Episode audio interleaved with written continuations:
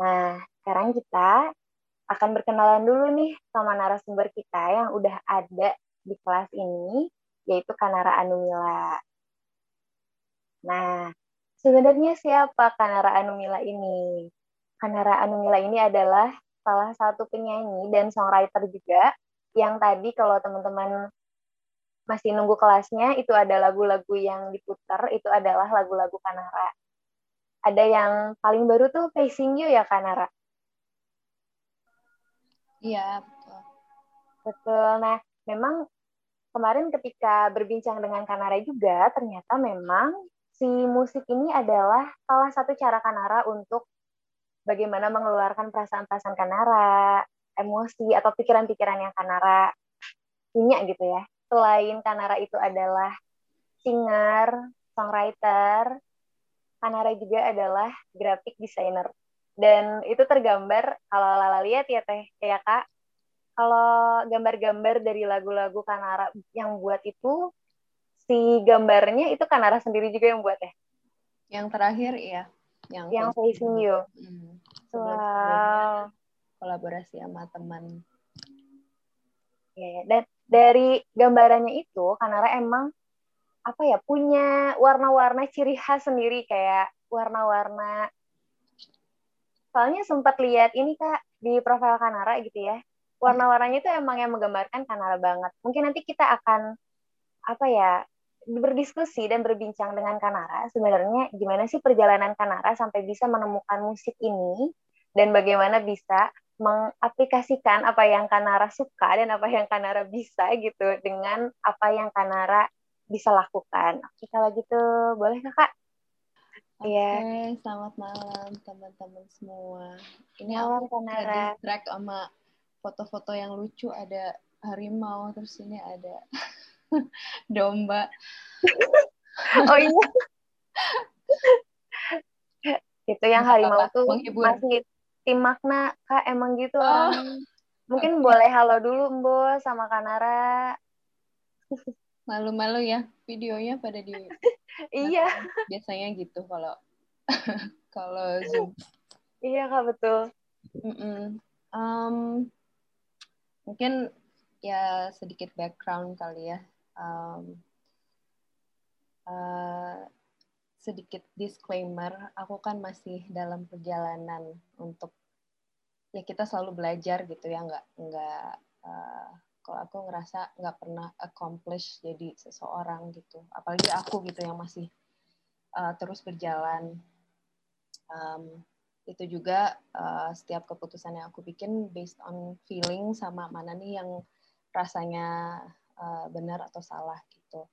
Jadi untuk jadi seorang singer songwriter juga fokus ke situ uh, butuh izin dulu dari orang tua uh, makanya aku harus masukin graphic designer karena itu jasa orang tua nyekolahin aku gitu.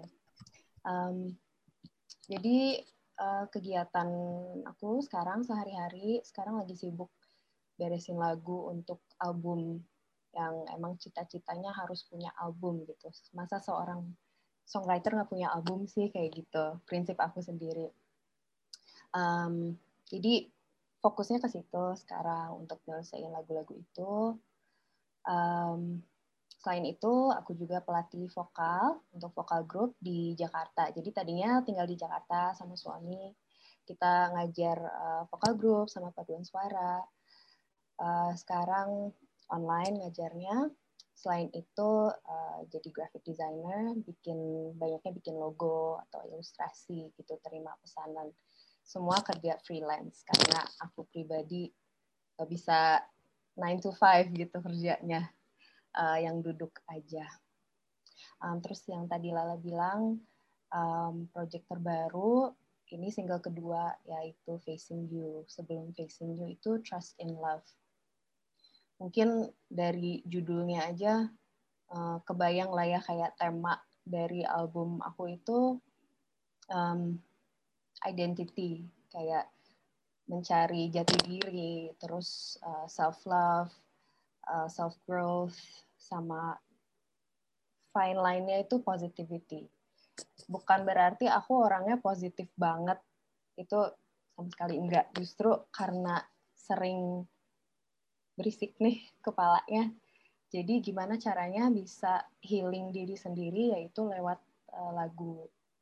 Um, itu aku pelajari sih setelah bertahun-tahun uh, bermusik, ikutan choir. Terus akhirnya tahun 2012 di situ aku mulai songwriting. Oh, dari 2012 kakak baru mulai nulis lagu sendiri. Mm -mm. Lagu pertamanya itu apa kak? Lagu pertama tuh ada di um, eh ini kenapa ya ada echo gitu? Ah, dari Lala gitu ya? Mungkin kayaknya dari Lala ya. Nah, oke. Okay. Mungkin harus di-mute dulu kali ya, Lala. Waktu aku ngomong, punten. Um, oke, Kak. Iya. Yeah. Uh, lagu pertama tuh Your Secret judulnya, tapi itu masih kayak iseng-iseng doang gitu. Um, pokoknya dulu sebenarnya nggak mau kuliah, kayak bilang ke uh, ibu, kayak nggak nggak mau kuliah dia pengen nyanyi aja, nggak boleh harus harus jadi sarjana gitu. Kalau prinsip orang tua aku, um, kamu boleh nyanyi kalau udah jadi sarjana. Nah udah nih jadi sarjana, nih udah nih jadi sarjana, boleh kan nyanyi? Akhirnya udah diizinin, uh, disupport full sampai sekarang pun disupport um, di situ uh, di waktu aku di Sydney untuk uh, apa dapat Bachelor of Design kan kita kadang ngebayanginnya kayak keluar uh, kuliah di luar negeri tuh seru terus ya adventure gitu ya semangat. Tapi kenyataannya tuh banyak distraction yaitu kayak kangen rumah kangen masakan mama terus segala hal tuh baru jadi adaptasi tuh kayak susah gitu ya. Um, jadi banyak banyak me time banyak uh, mikirin apa ya masa depan kita namanya juga mau lulus kuliah ini ke depannya mau gimana sih? Nah di situ karena banyak ngerasa sendiri uh, aku sering ke taman tuh terus duduk. Ada satu hari aku inget banget ini agak dramatis sih tapi uh, nggak karuan aja gitu perasaannya tuh sedih terus menggebu-gebu akhirnya aku buka notebook terus nulis aja kayak di sekeliling aku tuh ada apa. Terus gimana ya caranya nggak bisa eh, nggak uh, usah ngerasa kesepian. Masa kayak udah dikuliahin terus malah down gitu ya. Um, akhirnya di situ aku nulis lagu pertama aku yaitu Your Secret. Your tuh y-nya gede yaitu um, menuju ke Tuhan gitu. Jadi aku ngerasa tuh yang bisa nemenin aku di saat itu ya cuma Tuhan gitu dan kadang kangen sih rasa um, kalau kita down atau lagi kayak terpuruk itu lebih rasa deket ya sama Tuhan karena banyak lebih kayak intens gitu berdoanya. Di situ aku ngerasa ditemenin karena ngelihat sekeliling pohonnya bagus-bagus di sini terus aduh langitnya juga indah banget terus ya segala hal yang aku rasain aku tulis terus uh, explore nyari melodi. Nah akhirnya pulang ke Bandung dibantuin om aku terus jadi lagu itu lagu pertama. Namanya lagu pertama nggak mungkin perfect ya tapi itu uh, nggak akan nggak akan lupa gitu pengalaman pertama bikin lagu pertama. Wow. Tapi enggak sih kak kalau misalnya dibahas betapa penuhnya pikiran ya, kayak tiba-tiba ngerasa sedih, menggebu-gebu. Apalagi sekarang di pandemi ini, itu tuh jadi lebih sering terasa nggak sih Kak? Hmm. Kayak jadinya tuh bawaannya overthinking terus gitu. Hmm. Tiap malam, kayak mungkin karena ketidakjelasan yang terjadi gitu, terus kurangnya berinteraksi dengan orang, sehingga terasa. Nah, kalau Lala pribadi sekarang ngerasain ya, masih belum mendapatkan fasilitator apa nih yang bisa Lala ambil gitu untuk mengeluarkan si emosi-emosi ini. Sedangkan kan hmm. kalau Kanara, ah akhirnya Kanara menemukan dengan menulis lirik gitu. Hmm. Nah, Lala jadi pengen nanya, apakah semua lagu-lagu yang Kanara buat itu emang berdasarkan apa yang Kanara rasakan gitu hmm. saat itu gitu. Jadi memang apa keresahan Kanara gitu, apa emang yang lagi nggak enak aja nih kayak gitu. Hmm, so far semua lagu yang aku bikin kecuali satu itu selalu tentang diri aku sendiri sama apa ya kayak observasi uh, pengalaman orang lain yang ada kesamaannya gitu. Yang pasti orang lain juga ngerasain. Terus rata-rata lagu-lagu yang aku bikin itu kayak reminder semua uh, yang pertama sih buat diri aku sendiri. Jadi kalau dengar lagu itu lagi tuh jadi kayak iya ya kan sempat ngerasain bisa gitu. Ya bisa kuat terus bisa ngelewatin kok sekarang enggak. Jadi kan lumayan tertampar gitu ya sama diri sendiri. Um, facing you itu mungkin kayak lagu andalannya ya di album ini. Karena um, buat aku itu vulnerable banget. Ngasih tahu ke orang kalau I'm not that positive. Itu selama ini emang kayak di Instagram kalau berinteraksi sama teman atau orang baru. Karena aku sering ngeposting quotes yang positif atau wah segala macam lah positif positif. Jadi terkesan aku orangnya um, sangat op, uh, optimistik. Tapi uh, ya sebenarnya the exact opposite gitu. I'm a pessimist. Tapi learning how to be more um, more open minded gitu. Nah facing you waktu aku bikin tuh um, mungkin kita kadang ngalamin kayak rasa sad sedih uh, patah hati depresi. Itu kayaknya semua orang pernah ngalamin. Mau depresi sedikit pun itu aku yakin pernah ada yang ngalamin itu semuanya pernah ngalamin. Nah aku waktu itu sempat lumayan depresi gitu ya. Terus di depan piano uh, akhirnya main aja gitu main nada-nada yang bisa eh, main chord yang bisa cocok sama suasana hati. Terus um, itu kalau lagi enak moodnya kata-katanya ya otomatis aja keluar gitu. Dan ya aku nggak bisa bilang itu dari aku sendiri ya kayak selalu sebelum bikin lagu pastinya berdoa terus doanya kayak ya Allah jadikan aku um, bahasa Indonesia-nya apa ya? Tapi kalau bahasa Inggris tuh let me be your instrument, let my voice be your instrument. I know this is not my voice, ini bukan suaraku sendiri. Nah ini kebetulan aku siapin kayak buku-buku songwriting, terus tugasnya beda-beda. Jadi ada yang di depan piano, tuh yang ini. Kalau di kamar, yang ini. Terus kalau masih kayak brainstorming, yang ini itu supaya nggak lebih organize aja gitu. Nggak nyari-nyari uh, ke mana-mana. Kayak aku nulis di buku ini facing you. Terus lagu itu tuh uh, banyak kayak simbolisme. Um, misalnya ada kata drowning. Drowning oh, drowning tuh tenggelam kan. Kalau kita merasa lagi tenggelam tuh artinya apa terus ada let me taste that sky. Kan mustahil ya sebenarnya taste that sky. Tapi sky di sini tuh dalam arti mimpi. Kalau kita bermimpi pasti kan melihatnya ke atas ya ke langit gitu. Um, jadi ya nulis lirik itu sangat membantu self reflection aja. Jadi lebih memahami pikiran sendiri. Terus um, ya gitu sih. Kayak jadi mendang pikiran diri sendiri saat itu gitu ya kayak mm -mm. oh iya dulu tuh sempat mikir gini loh gitu.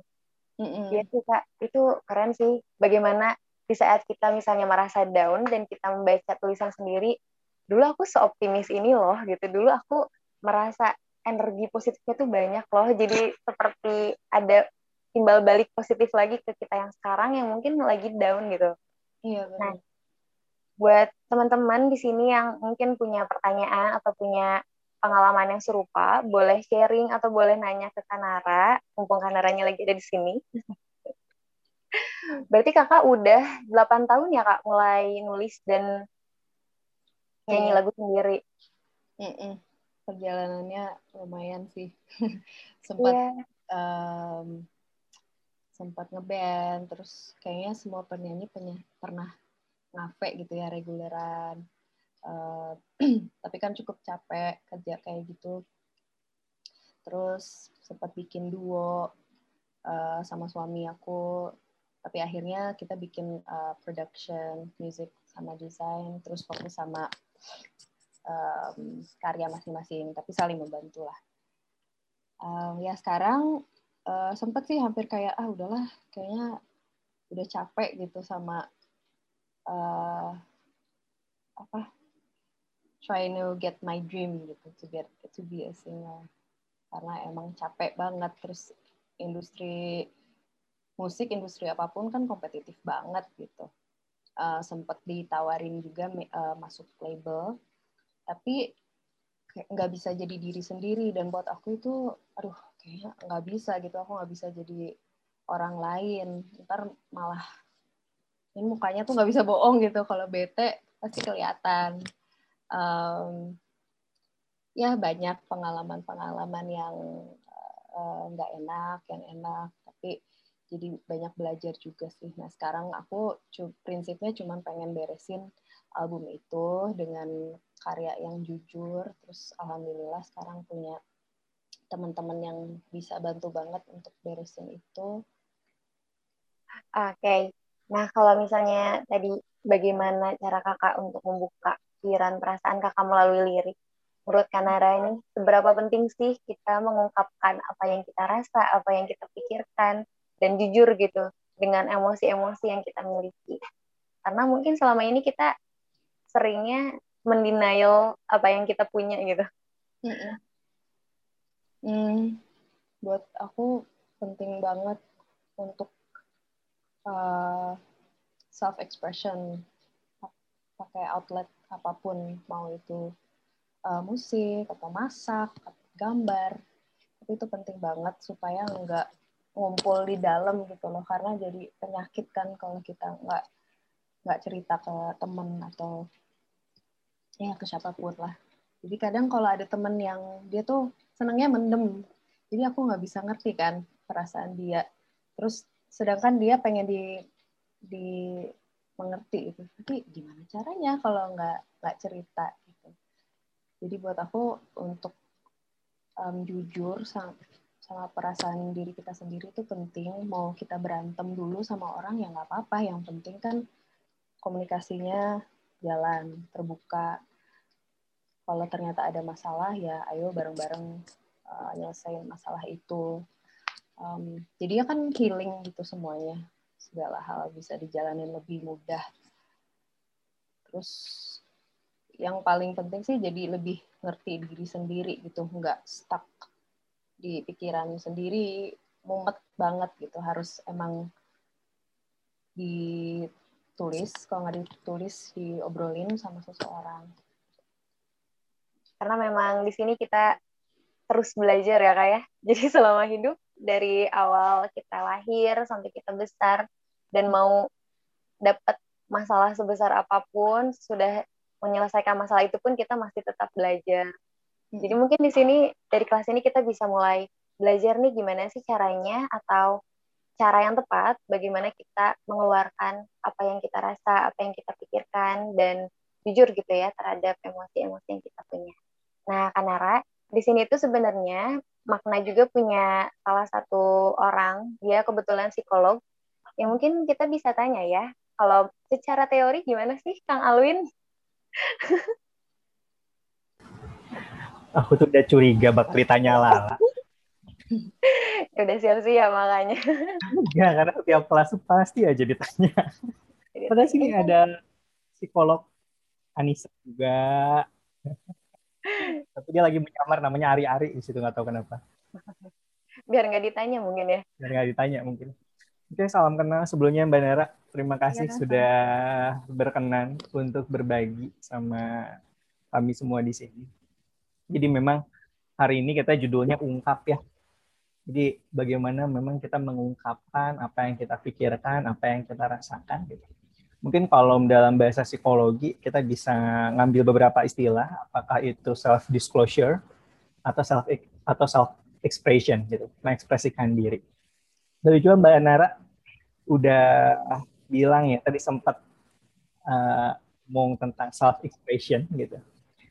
Oke, okay, jadi kalau tadi kita ngomongin masalah self expression, jadi kalau mau itu musik, mau itu apa pun, sebenarnya penting buat manusia itu mengekspresikan apa yang ada di pikirannya, apa yang memang ada di perasaannya. Kenapa? Kalau nggak benar tadi kata Mbak Nara, kata Kak Nara, bahwa sesuatu yang memang kita simpan, yang kita tekan gitu, itu suatu saat akan mengendap. Apalagi ketika memang gini katakan. Jadi sebenarnya pentingnya buat kita mengadmit atau menerima, accepting gitu, segala emosi yang kita punya kadang kan yang namanya manusia itu sangat sangat suka sekali ya, sangat sekali memburu-buru, sangat sekali berburu. Pokoknya aku hidup harus selalu positif gitu. Pokoknya aku hidup harus selalu mencari senang. Aku hidup harus selalu tenang. Kalau ada rasa sedih, ada rasa kecewa, rasa marah, enggak, aku nggak boleh sedih, aku nggak boleh marah, aku nggak boleh kecewa, aku nggak boleh uh, terlihat negatif. Padahal sebenarnya yang namanya emosi apa pun itu adalah hal yang penting buat manusia karena boleh jadi emosi itu adalah alarm yang menjadi tanda buat kita dalam membenahi diri. Contohnya misalnya ketika kita mengalami kondisi-kondisi emosi yang nggak nyaman, ketika kita ngomongin kondisi katakanlah cemas atau mengalami kondisi-kondisi sedih dan lain sebagainya, boleh jadi kan itu adalah sebuah tanda gitu loh, yang memang menunjukkan ada hal yang memang perlu diperbaiki gitu dari diri kita atau dari sebuah ekspektasi. Jangan-jangan kita terlalu berekspektasi terlalu tinggi sampai pada akhirnya memunculkan rasa kecewa-kecewa itu. Jadi maksud saya self expression itu memang harus selalu dimulai dari proses menyadari dulu, sadar bahwa sebenarnya apa sih yang kita rasain, sadar bahwa apa sih yang sebenarnya kita alamin, habis itu kita admit, kita terima, kita accept gitu emosi-emosinya. Karena bagaimana kita bisa mengekspresikan sesuatu yang kita sadar pun enggak gitu.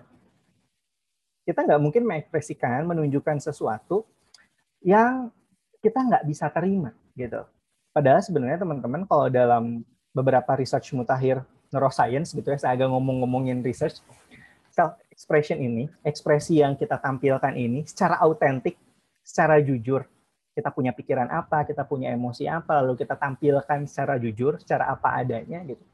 Itu tuh bisa sangat membantu dalam proses atau melatih otak kita, terutama otak bagian depan. Otak bagian depan ini memang punya fungsi higher intelektual gitu Proses pengambilan keputusan, decision making, problem solving, kreativitas gitu Sehingga memang ketika kita bisa mengekspresikan diri secara autentik itu melatih cara berpikir kita sehingga memang lebih autentik juga dalam menyelesaikan berbagai masalah-masalah yang ada. Dan kenapa self expression ini sangat penting, teman-teman? Atau self discourse ini sangat penting? Karena pikiran kita sangat abstrak. Kadang kan kita tuh sangat bingung ya, kayaknya tuh bingung tapi nggak tahu ngebingungin apa gitu loh. Kayaknya tuh penuh, tapi nggak tahu gitu penuhnya tuh penuh apa aja gitu. Kayaknya tuh mumet tapi nggak tahu mumetnya seperti apa gitu. Jadi eh, self expression ini sebenarnya ketika pikiran kita benar-benar abstrak, kita nggak akan pernah bisa menyentuh sesuatu yang sifatnya abstrak. Sehingga sesuatu yang abstrak itu butuh dikonkretkan. Jadi pikiran manusia itu abstrak. Ketika kita hanya berpikir, hanya mikirin itu tanpa kita ekspresikan, hanya aku lagi mikirin ini, bentar, kenapa bingung, kenapa pusing, dan lain sebagainya. Tanpa kita ekspresikan lewat tulisan, lewat musik, lewat gambar, lewat bercerita, nggak kita ungkapkan gitu ya, ya kita disclose, itu tuh akan tetap menjadi aut-autan. Kenapa? Karena pada dasarnya sesuatu yang ada di kepala kita itu abstrak. Untuk bisa kita pahami, itu butuh dalam bentuk wujud yang nyata. Butuh dalam wujud yang konkret. Wujud konkretnya apa? Bisa apa pun. Bisa lewat tulisan, bisa lewat musik, bisa lewat gambar, bisa lewat uh, bercocok tanam. Intinya bagaimana kita mencoba merapihkan lagi pikiran-pikirannya abstrak itu lewat mengekspresikan. Membuat sesuatu yang abstrak itu menjadi konkret. Jadi sebenarnya itu fungsinya untuk self expression gitu loh. Karena kita nggak akan pernah bisa menyentuh sesuatu yang abstrak termasuk pikiran kita sendiri. Ini tuh sama seperti saya pernah nggak tahu nih saya nggak pernah cerita di kelas mana ya pokoknya. Jadi saya waktu itu pernah ngisi sebuah kelas gitu. Lalu saya ketika ngisi sebuah kelas itu saya bawa sebuah benang kusut. Benang yang sangat kusut gitu. Benang yang sangat kusut. Lalu saya minta sertanya salah satu datang ke depan. Silakan ke depan. Ke depan. Terus saya minta saya kasih ini. Ini apa kata saya? Oh, benang kusut katanya. Oke, kalau gitu, saya minta nih ke kamu, ke Anda, kata saya. Tolong dong hitung ada berapa helai benang di sini. Dia ngitung. Benangnya kusut banget. Saya juga nggak tahu itu ngaut-ngaut benangnya berapa banyak gitu. Pokoknya saya ambil aja, pokoknya out-out gitu. Terus dia satu. Terus kan Pak Baliut ya gitu berantakan ya. Dua, tiga. Oh, bingung nih dia. Udah semenit nih daripada uh, acaranya habis cuman buat ngelepasin benang gitu kan akhirnya saya ganti tugasnya udah saya ganti deh nggak usah ngitung berapa helai kata saya hitung aja ada berapa warna di situ dia akhirnya coba hitung warna bentar ini biru ini kuning bentar berantakan lama satu menit. Akhirnya saya nanya ke orang kamu bisa ngitung nggak sih? kata saya bisa. Coba ngitung deh satu sampai sepuluh. Satu dua tiga empat lima sampai sepuluh dia bisa. Itu bisa ngitung sampai sepuluh. Oh tahu warna nggak sih? Tahu coba. Ini warna apa? Misalnya saya ngeliatin handphone hitam. Ini apa? Headset merah ini. Itu tahu warna. Ini tahu. Terus kenapa kenapa ini kamu nggak bisa ngitung benang yang nggak bisa ngitung ada berapa jumlah helai benang dan nggak bisa ngitung ada berapa warna di sini? Ya karena kusut persis seperti pikiran kita. Ketika pikiran kita berantakan ketika pikiran kita kusut mau sesederhana apa pun masalahnya bahkan itu adalah hitung-hitungan dan melihat warna kita nggak akan bisa. Kenapa? Karena benangnya kusut. Pun begitu dengan pikiran. Ketika pikiran kita kusut, ketika pikiran kita berantakan, hal sederhana pun akan menjadi sesuatu yang sangat rumit. Maka satu hal yang perlu dilakukan adalah uraikan dulu benangnya. gitu. Apakah bisa lewat balap lari? Enggak. Enggak bisa kita sambil maraton menguraikan benang. Sambil kita nyetir menguraikan benang. Perlu duduk. Perlu diam. Perlu berjeda. Pelan-pelan. Karena mengulaikan pikiran-pikiran berisik itu kita perlu duduk. Makanya tadi kalau Kak Nara sendiri tadi, saya belum pernah ke Sydney, Nara, tapi kayaknya tadi ceritain sih enak ya, jadi pengen ke sana. duduk di taman, lihat pohon, lihat langit, tiba-tiba di situlah proses duduknya. Ketika ada pikiran-pikiran yang kusut, tadi benang-benang, seolah-olah kita bisa menguraikannya dalam sebuah kata-kata, dalam sebuah alunan musik, dalam sebuah notasi gitu, dalam sebuah skema lirik. Itulah sebuah ekspresi kita bisa mengekspresikan sesuatu ketika memang dalam kondisi yang memang tadi duduk. Kalau kita mengekspresikan sesuatu dalam kondisi yang tadi masih berantakan dan lain sebagainya, jangan-jangan kita tidak mengekspresikan sesuatu itu secara otentik, tapi kita pun mengekspresikannya dengan cara yang berantakan juga. Agresif, marah tidak terkendali, sedih yang tidak terkontrol. Semua emosi itu penting, tapi buat kita mengekspresikannya butuh kita kelola dengan cara yang baik. Yang salah satunya adalah konkretkan itu dengan duduk dulu deh. Itu dulu deh lah dari aku. Oke, okay, thank you Kang Alwin. Nah, itu berdasarkan teorinya lah ya. Jadi kita jelas nih seperti itu. Nah, teman-teman, bagi teman-teman yang ingin bertanya pada Kanara, pada Kang Alwin barangkali, atau ada yang ingin sharing mengenai pengalamannya, bagaimana perjalanannya menemukan bagaimana cara untuk membuka meng, mengekspresikan diri gitu ya, mem, memuntahkan apa yang dirasa, apa yang dipikirkan. Ini ada dari Anastasia. Oh, ada nih katanya lewat apa direct pemalu mungkin ya. Dia suka banget lagu Paramore yang basicnya adalah mungkin lagu keras kali ya. Lagu yang lumayan keras, tapi untuk dia, bagi dia ini sangat menenangkan. Nah, pertanyaannya, apakah semua jenis itu bisa refleksi, bisa menyebabkan ketenangan mungkin ya? Nah, kalau menurut Kanara gimana nih, Kak? Bisa sih menurut aku, karena kalau musik kan personal banget. Um, kalau aku pribadi kayak denger rock atau heavy metal atau lagu yang terlalu keras, uh, pasti bikinnya anxious gitu. Tapi buat orang lain mungkin justru jadi apa ya bukan nge-trigger tapi kayak ngasih semangat ke dia untuk uh, keluarin emosinya lewat dari dengar lagu itu aja pasti emosi dia keluar gitu menurut aku. Jadi ya semua genre pasti bisa menenangkan buat setiap orang. Kayak misalnya adik adik aku dia seneng banget dengerin rock tuh. Kayak dek kok bisa sih kerja sambil dengerin musik berisik gitu? Ya yeah, for me it, it makes me calm and I have fun gitu kan. Oh oke. Okay. kan semua orang DNA-nya juga beda. Terus um, ya kita mengekspresikan diri itu beda-beda gitu. Jadi nggak nggak ada satu formula. Tapi itu menarik sih Paramore. Nggak kepikiran sama aku untuk dengerin Paramore. kalau Kanara biasanya dengerin apa kak? Aku justru mungkin karena uh, ngerjain musik terus kalau lagi pengen tenang nggak nggak bisa dengerin apa-apa. Kayak kalau TV nyala juga sering tuh aku omelin suami kayak aduh TV matiin please gitu pengen quiet. Enaknya tuh kayak gini lagi hujan nih itu malah bikin relax. Kalau enggak kalau emang pengen dengerin musik ya dengerinnya um, kayak India Ari yang emang calming gitu ya. Terus uh, musik-musik instrumental. Oh gitu wow malah jadi ini ya.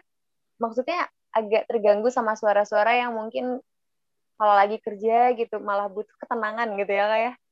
Mm -mm. Karena kan Menarik lumayan ya tiap kerjaannya itu, jadi sekarang agak jarang dengerin musik kecuali kalau ada temen yang rilis lagu gitu. Hmm. Kayak oh dengerin musik. Ah kemarin juga kakak baru ini ya, baru perform online yang ada John Mayer itu lala lihat di. Oh. Iya, itu. itu clubhouse. Kebetulan aku mm-hmm. ikutan klub namanya Lullaby Club. Um, nah itu isinya tuh banyaknya orang-orang di Amerika. Tapi sekarang sih dari India, Malaysia, Australia gitu banyak. Uh, awalnya iseng, terus aku apply pengen jadi featured artist gitu. Di mana uh, kita nyanyi empat lagu, mau itu cover atau original. Nah di malam itu tiba-tiba uh, apa ada notif John Mayer. Oke, okay. Mungkin kurang stabil di buah batu. Oke, gimana nih teman-teman? Oh, ada Ayul saya yang bertanya. Kita tunggu kanaranya dulu. Oke, kita panggil guest kita yang satu lagi. Kang Alwin, sukanya apa Kang Alwin? Lagu Kang Alwin. Apa? Heavy metal lah. Apa? Heavy metal. Enggak, ah bohong banget. Aku tidak jarang mendengar heavy heavy mental metal gitu di iya, sana. Ya, aku heavy mental, berat banget mental. Mental ya, terus bukan metal ya. Bukan heavy mental, berat banget. Kang Alwin tuh sukanya yang, hmm, uh, tahu tahu lala tahu. Kalau kerja sukanya yang instrumental, biar nggak distract atau enggak lagu-lagu yang nggak diketahui, biar nggak nyanyi. Iya benar. Kalau kalau musik itu biasanya sukanya Malik. ya kalau dinyanyiin ya. Kalau dinyanyiin ya, kayak Malik. Tapi lah, aku tadi mau ini kali ya, sedikit jawab yang dari Anastasia juga. Uh-huh. Jadi emang, tapi menarik sih lah. Jadi ada sebuah, uh, aku sempat baca sebuah riset kayak gini waktu itu, masalah musik ya. Jadi sepertinya ketika kita memandang suatu hal, kita sambil nunggu kamera ya, Iya. Ketika kita melihat preferensi atau memandang suatu hal, terutama manusia, sebenarnya kan bisa dilihat dari dua pola ya teman-teman ya. Satu adalah yang namanya nomotetik. Nomotetik itu kita lihat secara general polanya itu kayak gimana. Jadi kalau nggak salah sebelum pandemi lah, sebelum lockdown kita tuh kan pernah ngisi juga di uh, yang waktu kita ngisi tentang psikologi musik ya. Hmm, iya, oh iya, ya, baru banget lockdown oh, iya pas mau lockdown banget waktu itu. Nah, jadi waktu itu saya minta ke musisinya, saya bisikin, coba dong style instrumental yang sedih. Tapi saya nggak umumin ke peserta ya, minta ke pemusiknya aja. Dia style gitu. Terus saya nanya ke pesertanya, kata teman-teman ini nuansa emosinya gimana sedih terus saya bilang lagi ke yang pemusiknya mas sekarang coba yang seneng terus dia nyanyi lagi cuman instrumental doang terus nanya ke peserta kira-kira ini nuansanya kayak gimana? Seneng. Nah ternyata bahkan ketika saya kan cuma ngebisikin ke pemain musiknya aja suruh lagu sedih. Lalu pemain musiknya langsung interpretasi oh instrumen sedih ya? Ya udah menurut saya kayak gini instrumen sedih. Terus saya nanya ke peserta terus peserta langsung apa sedih? Jadi apa ya? Kadang cara pola itu manusia bisa nangkap gitu loh. Ada kesamaan kesamaannya jadi kalau kita ngomongin musik atau apa pun, nggak cuma musik ya, segala hal di dunia ini ada pola-polanya. Tapi ada juga hal yang sifatnya sangat subjektif. Makanya tadi adiknya Kanara mungkin denger lagu rock gitu metal tapi bisa menenangkan.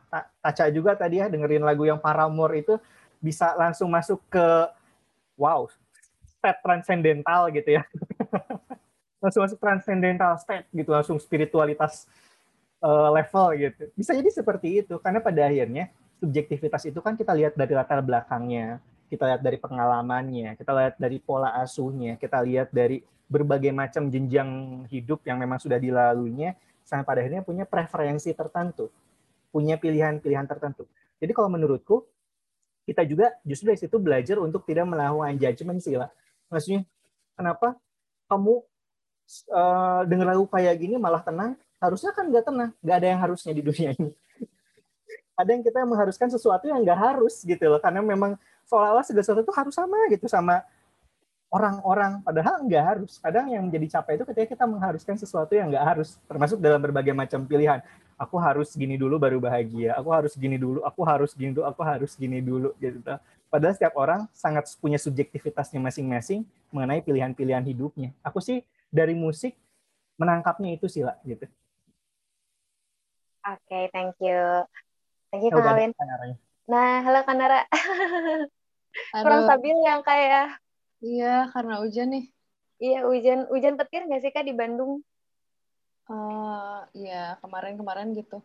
Ini semoga stabil sampai akhir sih, nggak tahu. Maaf banget, aduh teman-teman. Nggak apa-apa Kakak. Iya. Jadi kemarin lihat betapa wah sampai ada John Mayer gitu masuk tuh kayak wow Kanara perform di sana. Jadi itu sistemnya emang apply gitu ya kak? Kalau untuk uh, regular show ya harus apply sebagai artis. Um, kemarin kenapa John Mayer ikutan itu untuk surprise si founder club itu oh. si icon dari clubhouse tuh Axel kan Axel Mansur dia yang bikin uh, Lullaby Club Oh gitu, wow, laki, keren yeah. banget. Oke, kita lanjut kak. Ini ada pertanyaan dari Ayolsa. Mm-hmm. Hmm, Katanya, pernahkah merasa hal yang biasanya jadi cara untuk meluapkan, misalnya musik, tiba-tiba untuk saat tertentu nggak cukup, atau tiba-tiba nggak mempan lagi untuk menenangkan diri? What would you do? Katanya gitu, Kak pernah sih um, karena ambisiku di musik kayak dreamnya di musik justru kan bikin kecewa gitu kalau nggak nggak um, su belum sukses gitu ya. Tapi uh, kalau lagi kayak gitu kayak musik nggak bisa ngebantu aku aku sih larinya ke film kayak nonton. Nonton terus lupa biar lupa pikiran sejenak gitu. Jadi uh, immerse myself in someone else's story. Jadi nggak pusing mikirin cerita aku sendiri gitu. Selain itu aku tetap ini sih harus ngobrol. Um, tetap nggak bisa sekarang aku sadar nggak bisa dipendam sendiri. Um, harus sharing selalu aku cerita ke orang lain. Mau itu dia nggak usah ngasih saran sih tapi seenggaknya aku cerita um, udah itu udah cukup. Dia mau denger aja udah cukup buat aku. Jadi kadang emang musik nggak um, selalu ngebantu aku di saat itu. Uh, tapi yang pasti self expression aku tuh lewat musik gitu nggak lewat lewat um, media yang lain. Kalau graphic design itu ya alhamdulillahnya aku belajar itu ya. Jadi sekarang kalau mau bikin sesuatu untuk support musiknya, aku udah punya uh, basic itu. Jadi bisa bikin sendiri, terus ngerti kayak uh, teori di belakangnya. Karena anaknya visual banget juga, jadi tahu gitu maunya apa. Um, kalau self expression ya pasti selalu lewat musik. Nah, kalau misalnya kakak sedang merasakan ketidaknyamanan ketidaknyamanan itu, bagaimana sih cara Kanara untuk mengaccept kalau kakak tuh lagi ngerasain ini, kalau kakak tuh lagi mikirin ini? Um, nah, sebenarnya aku agak aku terharu juga ya ikut mindfulness class ini karena emang pas gitu timingnya sama yang aku lagi alamin sekarang. Um, terus baru keluar lagu itu juga. Um, Not Facing You kan tentang self acceptance sebenarnya. Kayak kalau uh, nanti teman-teman dengar atau lihat liriknya itu liriknya tuh kayak semacam mantra gitu untuk diri sendiri Eh, terutama di bridge to facing you, facing you, facing you. Jadi waktu aku nulis juga visualnya tuh kayak aku ngelihat diri aku sendiri di depan cermin gitu, benar-benar agak kadang menakutkan gitu ya untuk ngelihat diri sendiri terus benar-benar lihat ke dalam untuk nerima itu really scary gitu. Kadang tapi emang harus dialamin gitu. Kayak ada satu hari aku lagi kecewa sama uh, teman-teman sama apa. Akhirnya ya tadi yang kata Kak Alwin Kak Alwin bilang harus duduk emang harus duduk dan dirasain dulu tuh kayak kita nggak bisa menghindari rasa sakit itu. Karena lama-lama juga dia bakal catch up gitu. Kita mau lari sejauh apa dia bakal uh, kita bakal kena. Nah harus terbuka terus dirasain diterima. Nah, emang self acceptance tuh susah banget kayaknya. Mungkin kalau aku pribadi ngebayanginnya seumur hidup kayaknya terus belajar gitu ya untuk makin sayang sama diri sendiri untuk makin kayak ngerti kenapa sih aku kayak gini atau ya udah uh, aku memang begini gitu. Nah sekarang mungkin karena usia juga udah kayak ya udah I have to accept myself that I'm this way. Kayak dulu tuh aku paling sebel kalau orang bilang you're too sensitive paling sebel dibilang gitu sampai sekarang juga suka sebel karena ya mau gimana lagi ya kayak udah dibikinnya begitu gitu nah sekarang tuh alhamdulillahnya udah kayak ya I am sensitive that's the way I am and that's what makes me me if you're not sensitive then good for you but I'm sensitive dan sensitif itu yang bikin aku bisa uh, berkarya. Kalau aku nggak punya rasa itu, ya belum tentu aku bisa bikin lagu yang aku mau gitu. Terus apa lagi ya? Ada sih di di Instagram di IGTV aku uh, bahas soal ini gimana bisa menerima diri aku sendiri itu prosesnya ya lama banget gitu. Sampai sekarang juga masih belajar. Wow, jadi jadi jadi refleksi banget loh kak. Eh maaf, maksudnya jadi refleksi kalau bagaimana yang kata orang itu suatu kekurangan gitu ya. Mm-hmm. Ini terba kok terbalik ya? Kenapa lah? Video lainnya terbalik. Kitanya jadi harus nah, gini. Uh, kalau misalnya, iya kata orang bagaimana menilai Kanara kalau kakak itu sensitif, tapi hmm. kemudian kakak melihat itu menjadi suatu kekuatan gitu. Iya, itu bener. masih menjadi hal yang wow susah banget emang susah sih tapi kayak sebenarnya itu yang ngebantu aku bisa menerima diri sendiri tuh suami aku ngebantu banget. Kayak um, satu orang yang aku ngerasa nggak akan pernah ngejudge aku itu suami aku. Dia yang ngajarin kayak ya mau gimana lagi? That's the way you are. Nah gimana caranya kelemahan kamu dijadiin kekuatan? Terus itu mikirnya benar juga ya. Karena kalau kita selalu berusaha untuk merubah diri sendiri itu malah jadi penyakit nggak sih? Kayak torturing ourselves. Setuju setuju kak. Secara perlahan gitu ya, seperti menyakiti secara perlahan. Mm -mm. Ya. jadi pengen punya suami ya? kayak gitu ya intinya jadi kesimpulannya itu ya Lala kesimpulannya itu eh tapi kakak boleh nggak sih Lala request pengen minta kakak nyanyi refnya facing you gitu boleh nggak bagian yang paling susah lagi eh pasti bisa hmm. Karena pas Lala mau ngundang Kanara gitu ya dengerin dulu lagu dan yang paling atas kebetulan Facing You kan di Spotify. Hmm. Pas dengerin, wah hmm. hangat banget sih ini lagunya hangat banget langsung dikirimkan ke tim makna ini lagu, ke ada salah satu tim makna ini lagunya Kanara kok dapet ya maksudnya apa yang Kanara sampaikan itu nyampe gitu hmm. bagaimana kakak menyanyikannya nah mungkin di sini teman-teman pengen denger nih refnya secara live waduh um, far away. Take me to the closest mountain. So away. Bring me to the clearest river.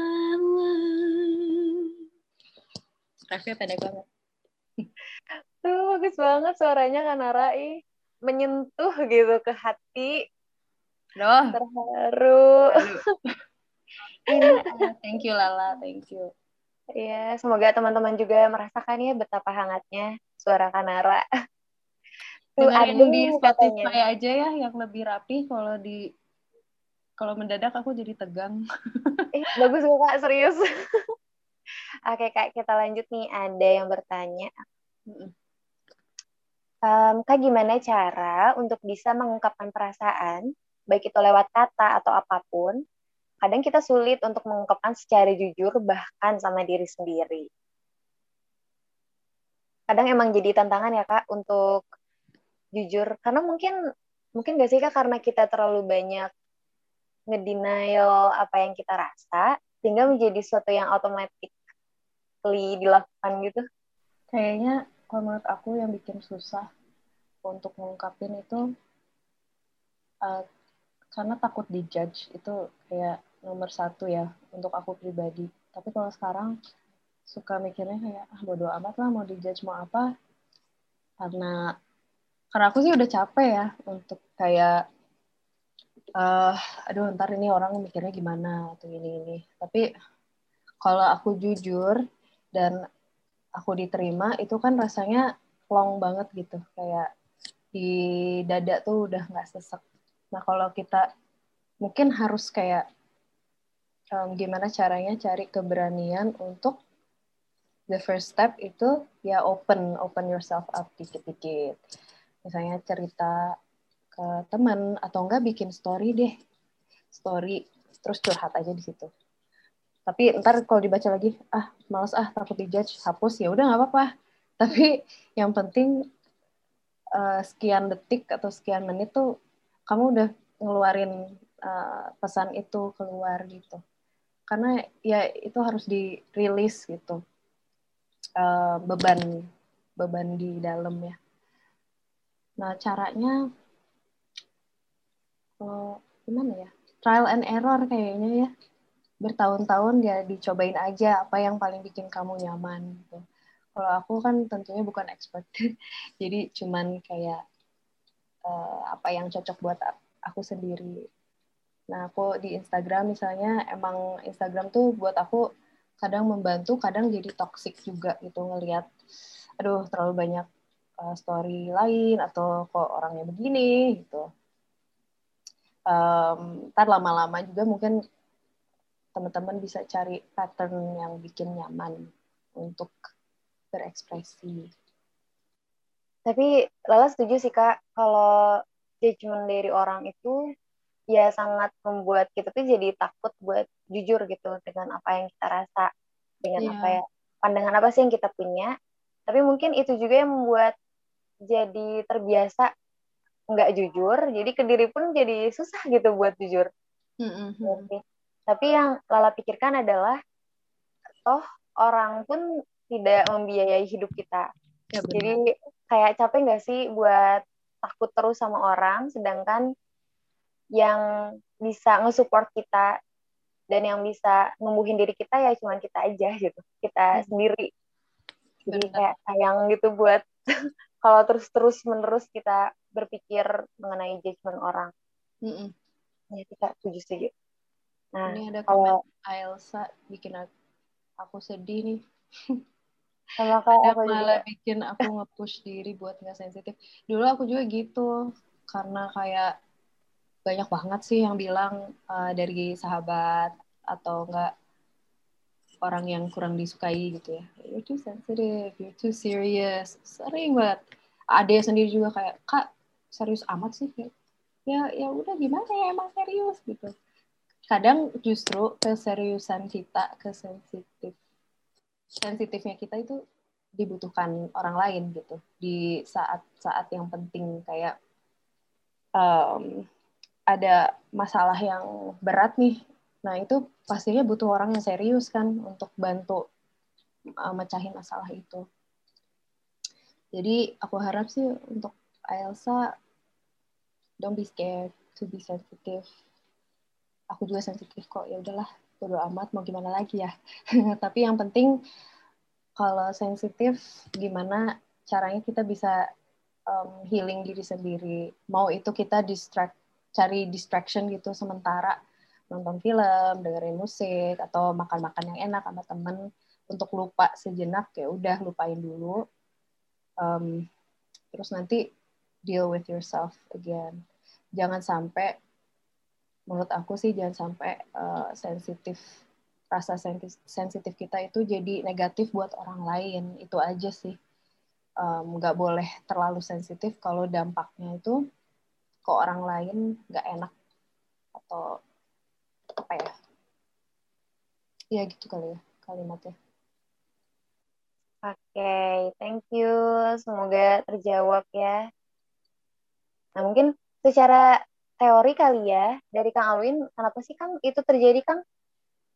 Aku jadi belajar banyak nih dari oh. Kang Alwin. Iya Kang mungkin hmm. eh kakak Kanara kita bisa ngobrol bareng kali ya nanti di Bandung. Boleh boleh. Yuk. Gini sih lah kalau aku ngelihat karena pada dasarnya setiap manusia itu punya vulnerable point istilahnya. Titik rentan. Setiap manusia itu punya vulnerable point punya aku nyebut vulnerable point atau titik rentan gitu. Di mana iya ketika memang hal tersebut disentuh kayaknya itu tuh hal yang memang paling kuat terlihat gitu ya. Dan kalau tadi memang karena bilang oke okay, I have to accept my sensitivity gitu ya aku udah mulai belajar menerima sensitivitas aku dan lain sebagainya. Justru aku tuh itu mengingatkan aku pada konsep self compassion lah mengingatkan aku pada konsep self love atau mencintai diri. Jadi sebenarnya ketika kita mencintai diri itu ada satu hal yang penting gitu ketika disebut mencintai diri itu salah satunya ya salah satunya adalah kita ketika kita tahu we are just a human. Ketika kita ini hanya manusia dan selalu ada titik-titik imperfection, ada titik-titik yang nggak sempurnanya. Dan yang menjadi lebih pentingnya lagi, kita tahu di mana titik rentannya itu. That's self compassion. Dan setelah kita tahu titik rentan saya di sini, oh ternyata saya pemarah, oh ternyata saya terlalu sensitif, oh terlalu uh, mudah ngerti apa kata orang, mudah takut sama rejection, fear of rejection, takut ditolak sama orang. Gitu. Ketika kita tahu titik rentan kita di mana, justru kalau aku ngelihat bahwa, oke, okay, the first thing that we have to do adalah kita admit dulu, kita terima dulu. Tadi ya, walaupun aku pikir itu bukan satu hal yang mudah. Makanya kalau kita sebut self love itu apa, self itu bukan sebuah hasil. Jadi bukan aku cinta atau aku tidak cinta sama diriku karena self love itu adalah journey, perjalanan. Yang namanya cinta itu naik turun gitu loh. Yang namanya cinta itu naik turun.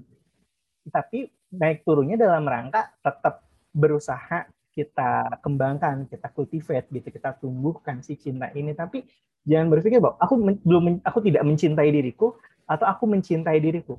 Justru kalau aku melihatnya itu bukan dikotomi, bukan cinta dan tidak cinta, tapi ini adalah sebuah perjalanan gitu terhadap mencintai diri sendiri itu. Termasuk di mana ketika kita tahu sadar bahwa aku punya titik rentan, apa yang perlu aku lakukan dengan titik rentan ini? Ada memang titik rentannya ini sesuatu yang memang bisa dibenahi. Ada satu titik rentan ini suatu hal yang memang uh, pada akhirnya cuma bisa diterima gitu loh. Tapi pada akhirnya tadi, ketika kita tahu ada titik rentan ini, gitu, bagaimana titik rentan tersebut justru kita jadikan kekuatan. Saya sih agree sama yang tadi Kak Nara katakan. Oke, okay, saya pemarah misalnya. Tapi justru bagaimana pemarah ini menjadi kekuatan buat saya. Oh, saya marah ketika melihat sesuatu yang tidak adil di dunia ini. Sensitif oh justru saya belajar untuk lebih peka dan berempati sama orang dengan sensitivitas ini gitu. Makanya belajar mindful itu menjadi penting karena kita benar-benar perlu sadar ketika kondisi kerentanan itu dalam tanda kutip ya terasa sudah terlalu over dalam sebuah situasi, maka kita sadar, oke, okay, kayaknya aku ini marahnya terlalu gede nih. Udah lagi nggak bisa aku ubah energinya supaya menjadi energi baik. Apa yang bisa aku lakukan? maka bisa jadi keluar dulu tempat itu, pindah dulu dari tempat itu. Pada akhirnya ketika kita udah sadar titik-titik vulnerable kita, kita belajar juga untuk mencari tahu gimana sih copingnya. Coping itu bagaimana cara kita menyelesaikannya. Tadi pertanyaan Ayo, lewat musik biasanya berhasil, tapi kok sekarang tumben nggak berhasil? Nggak apa-apa, memang seperti itu. Boleh jadi buat ke Jakarta itu kita nggak harus lewat Cianjur kok. Bisa lewat Ciamplas, bisa lewat Purwakarta, bisa lewat Papua dulu gitu. Banyak sekali jalan. Kalau seandainya lewat Cianjur lagi macet gitu ya, ya kita nggak harus maksain lewat Cianjur gitu. Kita bisa lewat Purwakarta, kita bisa lewat jalan tol. Ketika memang macet satu hal, ya udah, yuk cari kopinya yang lain. Boleh jadi saat ini lagi efektif, boleh jadi saat ini lagi nggak efektif, lagi ini lagi berfungsi gitu. Saat ini lagi nggak berfungsi gitu. Hal, hal seperti itu sih lah, yang pada akhirnya mengingatkan aku ya self love itu bukan berarti aku merasa harus selalu sempurna enggak. Justru aku mengakui bahwa aku bukan orang yang sempurna bahwa aku adalah manusia yang pasti selalu ada titik-titik rentan yang justru menjadikan aku sempurna itu adalah karena ketidaksempurnaanku gitu dan sepertinya sangat sombong kalau menurutku lah ketika manusia harus selalu menjadi orang yang sempurna. Karena bagaimanapun dia hanya manusia gitu loh. Tapi kalau dia harus selalu di, berasa harus selalu dinilai baik nggak boleh di judgment buruk, harus selalu terlihat sempurna. Kalau buat aku ya, sepertinya kita terlalu arogan, lupa kalau kita ini adalah manusia gitu. Itu sih lah. Oke, okay. berarti emang banyak yang perlu kita nggak apa-apain aja ya, tanpa perlu diapa-apain. Betul. Nggak apa-apa gitu. Nggak apa-apa, tapi ya tadi pada akhirnya lah konsep acceptance itu kan ada uh, kita perlu tahu hal-hal yang memang bisa kita ubah dan kita juga perlu tahu hal-hal yang memang nggak bisa kita ubah dan cuma bisa kita terima gitu. Karena menerima itu bukan berarti tidak ada usaha mengubah sama sekali. Menerima itu bukan berarti menyerah gitu tapi kita mengubah hal-hal yang bisa kita ubah. Tapi ketika ada memang tidak bisa diubah ya udah gitu loh. Dan bagaimana lagi gitu dan kita memang harus sangat pintar-pintar terampil membedakan antara mana yang bisa kita ubah dan mana yang nggak bisa kita ubah. Karena kadang manusia banyak excuse gitu loh ya mungkin saya juga masih banyak excuse-nya. Udahlah nggak bisa diubah lagi. Padahal malas berusaha gitu loh. Tapi saya kekeh pengen ubah ini pengen ubah ini. Tapi enggak itu suatu hal yang nggak bisa diubah gitu. Sehingga kita benar-benar harus pintar-pintar memilih jujur sama diri sendiri. Sebenarnya ini bisa nggak sih gitu. Dan kita sebenarnya tahu gitu. Itu sih lah.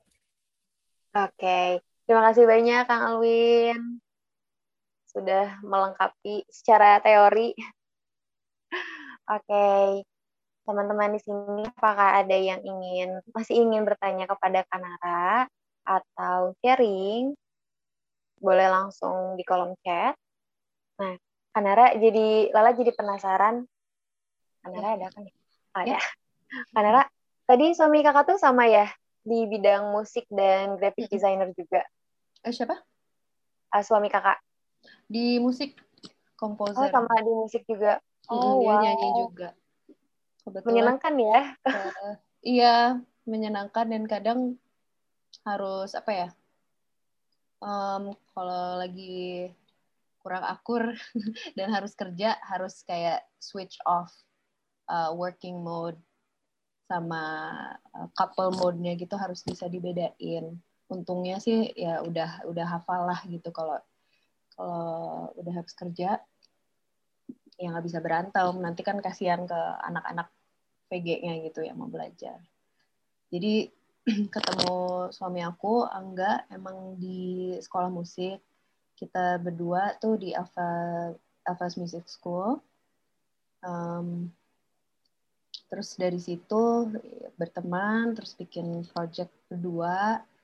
Akhirnya um, di stop yang duo nah tapi kita kembangin Narangga Production namanya. Di situ kayak banyak uh, jasa ada yang ngajar terus bikin jingle bikin aransemen um, terima pesanan logo kayak gitu gitulah yang paling seru sih pengalamannya um,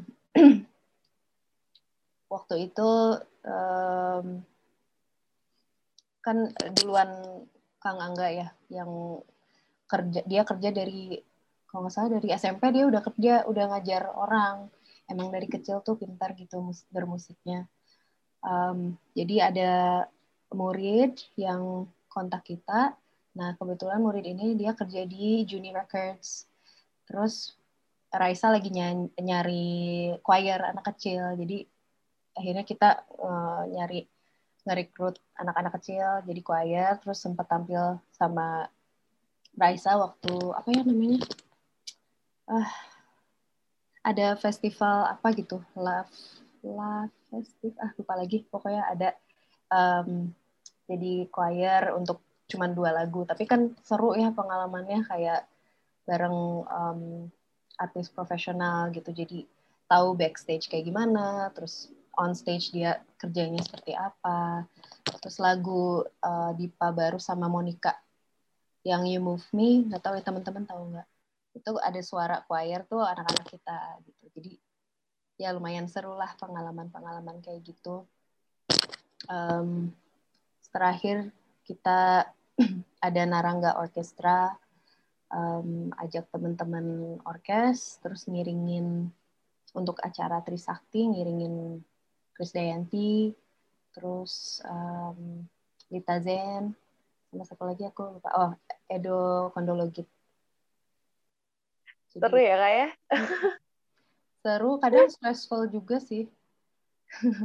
tapi tapi masih stres yang seru lah gitu, nggak, iya, iya, yang iya. bikin ngedrop. Mm -hmm.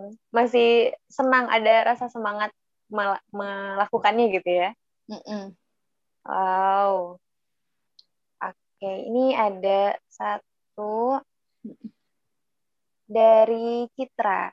Kak, dalam perjalanan kakak jujur dan berdamai sama diri kakak, pernah nggak ngerasa benar-benar ada di titik terendah sampai kecewa dan marah sama diri sendiri? Sering sih sebenarnya. Karena mungkin karena um, tadi sempat Kak Alwin cerita ya kayak banyak ekspektasi sama orang atau diri sendiri itu pasti kan bikin kecewa. Nah aku kelemahannya tuh itu kayak banyak uh, expectations terutama untuk diri sendiri dan emang perfeksionis jadi kalau salah tuh suka marah gitu kesel rasanya. Kemarin yang ironis tuh waktu rekaman Facing You. Sekarang kan rekamannya di kamar aja nih seadanya aja. Um, di uh, di situ yang ironis ironis tuh kayak kok lagi nggak bisa nerima diri sendiri padahal lagunya itu tentang self acceptance jadi di situ tuh marah banget rasanya waktu rekaman kok nggak dapet dapet sih feelnya. Tapi emang aku kelemahannya excited nih bikin konsep lagu. Wah menggebu begitu harus rekam lagunya tuh serem banget gitu rasanya karena perfeksionis. Terus harus bagus ini harus kedengeran bagus suaranya. Terus uh, apa um, pesannya harus tersampaikan gitu lewat lagu. Tapi itu bagian dari journey-nya ya gimana aku berjam-jam di kamar terus uh, ngedapetin mood itu susah banget. Nah itu ngerasa kecewa sama marah sama diri sendiri karena waktu rekaman kok nggak Eh, nggak uh, sebagus yang aku bayangkan gitu. Jadi tapi alhamdulillah setiap beres rekaman selalu puas gitu ya sama sama hasilnya. Kalau belum puas nggak mungkin berhenti. Jadi ya Citra sering banget. Aku kecewa sama marah apalagi ah. lagi pandemi gini sering di rumah kan banyak kayak ya, waktu kak. untuk mikir. Serius jadi lebih sering apa ya lebih biasanya kalau misalnya dihitung ya paling ngerasain kayak gitu sebulan sekali. Gitu sekarang tuh kayak seminggu bisa dua sampai tiga kali. Dan tanpa diundang gitu perasaan itu tiba-tiba hadir. Mm -mm, benar yang ngebantu aku sekarang uh, eh putus-putus nggak? Enggak kak. Oke. Okay. uh, baru minggu lalu mulai lari pagi. Terus ternyata itu bikin enak gitu moodnya seharian. Aku tuh paling males kan olahraga gitu diajak terus tapi kayak ah males bangun pagi terus harus keringetan malah tapi ternyata ngebantu banget um, ngeluarin apa ya nggak tahu ngeluarin apa juga tapi jadi kayak kok moodnya lebih enak seharian nggak terlalu marah-marah moody gitu. Wow. Oke ini ada lagi. Kak, gimana caranya ngendaliin diri kalau kita lagi di keadaan yang bingung buat ngambil keputusan, terutama tentang pernikahan, perasaan, hati, pikiran sulit buat disinkronin kalau lagi flashback atau sadar sama apa yang lagi dijalanin. Terutama bertentangan antara mau bersabar untuk dijalanin dan tunggu keajaiban Tuhan atau berhenti dan memutuskan atas apa yang lagi dijalanin atau diperjuangin. Wow, Tapi aku justru seneng ya kalau ada pertanyaan berat karena jadi mikir. Jadi refleksi ya kak ya? Gimana ya? Aku juga masih nyari tuh jawabannya. Um, kalau dua antara dua pilihan, aku biasanya ya pasti sholat istiqoroh. Um, terus buat aku kayak dulu tuh jarang banget baca Quran, terus um, sering marah-marah gitu ya. Nah ternyata uh, ikutan Quran ID Project, teman-teman mungkin tahu ya Quran ID Project dan dia bikin aku semangat untuk baca Quran tiap hari meskipun cuma beberapa ayat tapi yang penting itu uh, harus dilakuin gitu tiap hari. Um, jadi emang apa ya nyari faktor-faktor yang bikin kita lebih tenang mungkin jadi pikirannya lebih tenang akhirnya bisa bikin keputusan kan kalau lagi pusing banyak beban pikiran akan lebih sulit lagi gitu. Um, kalau aku gitu paling sih kalau ngendalin diri uh, banyak kayak duduk terus merenung mikirin apa nih yang lagi dirasain itu apa. Kadang ditulis juga uh, mau itu kata-kata mau itu jadi lirik uh, mau di HP mau di notebook yang penting keluar terus abis itu kan lebih lebih clear mungkin ya state of mindnya jadi lebih clear baru bisa ngambil keputusan buat tadi dia nanya apa pernikah Nanya apa lagi ya, Novia? Takut ada yang kelewat.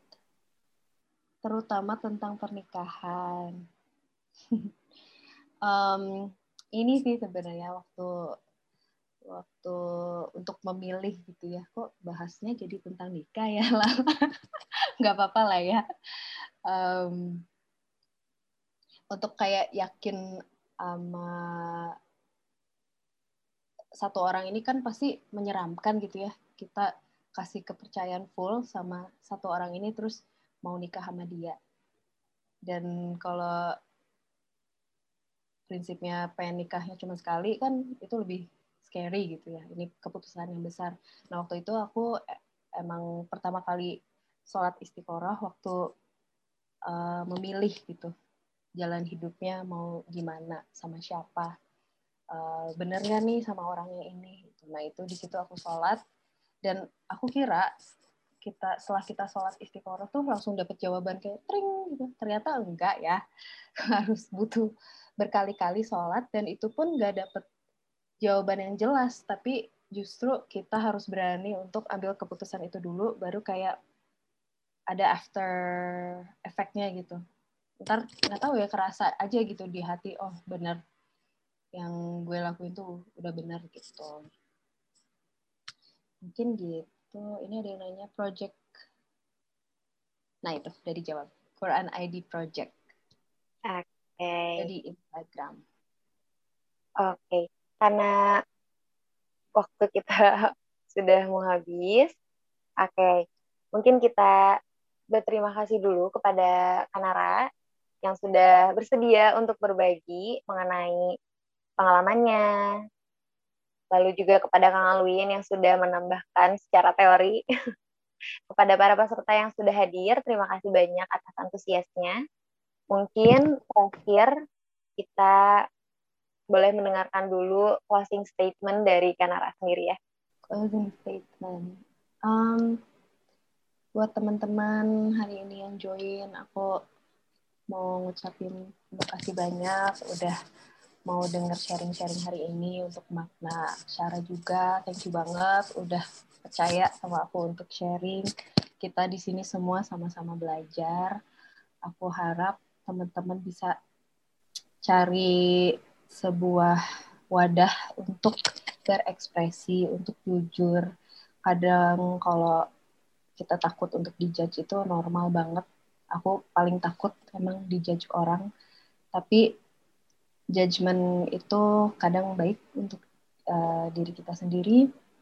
Yang penting kita jujur, berbuat baik, and ya cari apa ya inner peace dengan cara uh, yang nyaman untuk kalian masing-masing. Oke, okay. thanks a lot Kanara. Semoga iya, kita bisa berjumpa kembali di next project atau secara offline bertemunya. Iya. Oke kalau gitu. Ya, banyak yang berterima kasih. Iya, Sama-sama gitu. semuanya. Oke, kalau gitu saya Lala dari Makna Aksara. Saya tutup kelas ini. Sekali lagi, banyak-banyak kami menyampaikan terima kasih atas Kanara yang sudah bersedia menjadi narasumber dan berbagi di sini. Lalu Kang Alwin, juga para peserta yang sudah hadir. Terima kasih banyak. Sampai berjumpa di kelas makna selanjutnya. Boleh follow IG Makna Aksara untuk informasi selanjutnya. Terima kasih banyak ya. Assalamualaikum. Salam. Thank you, Lala. Thank you, Kak.